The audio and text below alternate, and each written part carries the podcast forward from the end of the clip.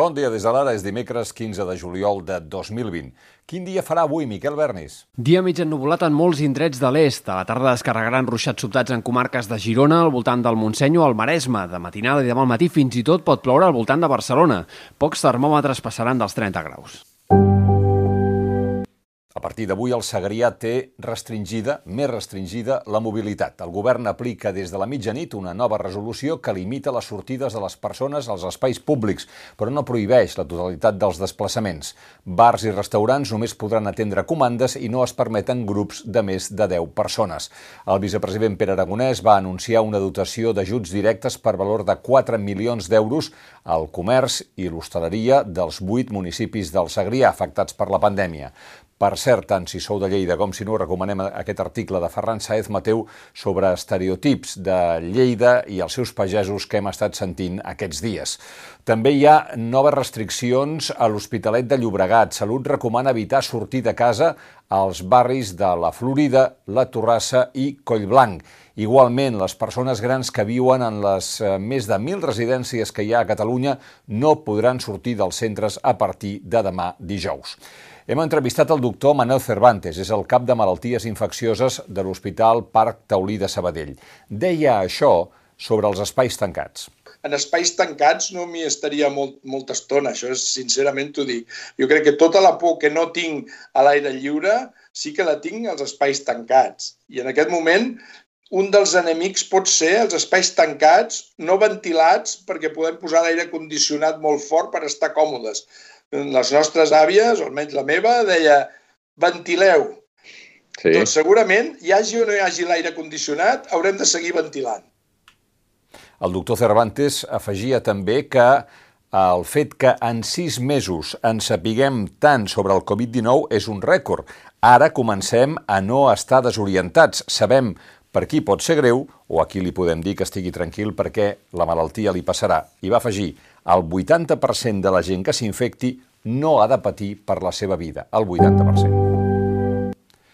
El mòbil del líder d'Esquerra a l'Ajuntament de Barcelona, Ernest Maragall, també hauria sigut espiat. I segons va publicar al vespre el diario.es, caldria afegir-hi Sergi Miquel, col·laborador del president Carles Puigdemont, i el conseller de Polítiques Digitals, Jordi Puigneró, encara que en aquest cas no van aconseguir piratejar-li el telèfon. És el cas que afecta milers de persones arreu del món.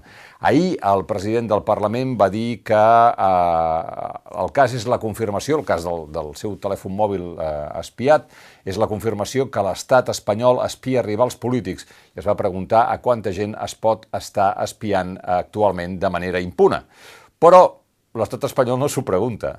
A l'editorial de l'Ara titulem La prova de la guerra bruta contra l'independentisme i qualifiquem la reacció d'ahir de la ministra espanyola portaveu María Jesús Montero da clarament decebedora.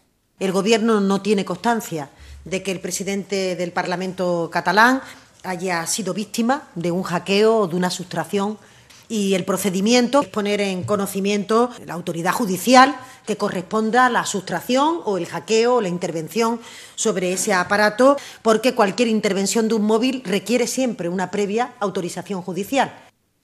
Ah, diu que l'han espiat? Doncs porti-ho al jutge. És la resposta del govern espanyol. Per això l'editorial diem que no n'hi ha prou amb dir que el govern espanyol no en sap res i amb instar els afectats a posar una denúncia al jutjat. El govern espanyol ha de ser proactiu en la defensa dels drets civils dels representants democràtics. Per cert, que la mateixa ministra va expressar el desig del govern espanyol que el rei Felip VI es distanciï del seu pare i demostri que està per la transparència en els seus comportaments. Ahir va córrer un àudio de Corina dient que el rei Joan Carles té una màquina de comptar bitllets a la Zarzuela. Sobre el rei, TV3 ha informat aquest matí que eh, Felip de Borbó i eh, la reina Letícia no vindran divendres a Catalunya, tal com inicialment estava previst, i que la visita, en el marc d'aquesta gira que estan fent per totes les comunitats autònomes, no té cap nova data.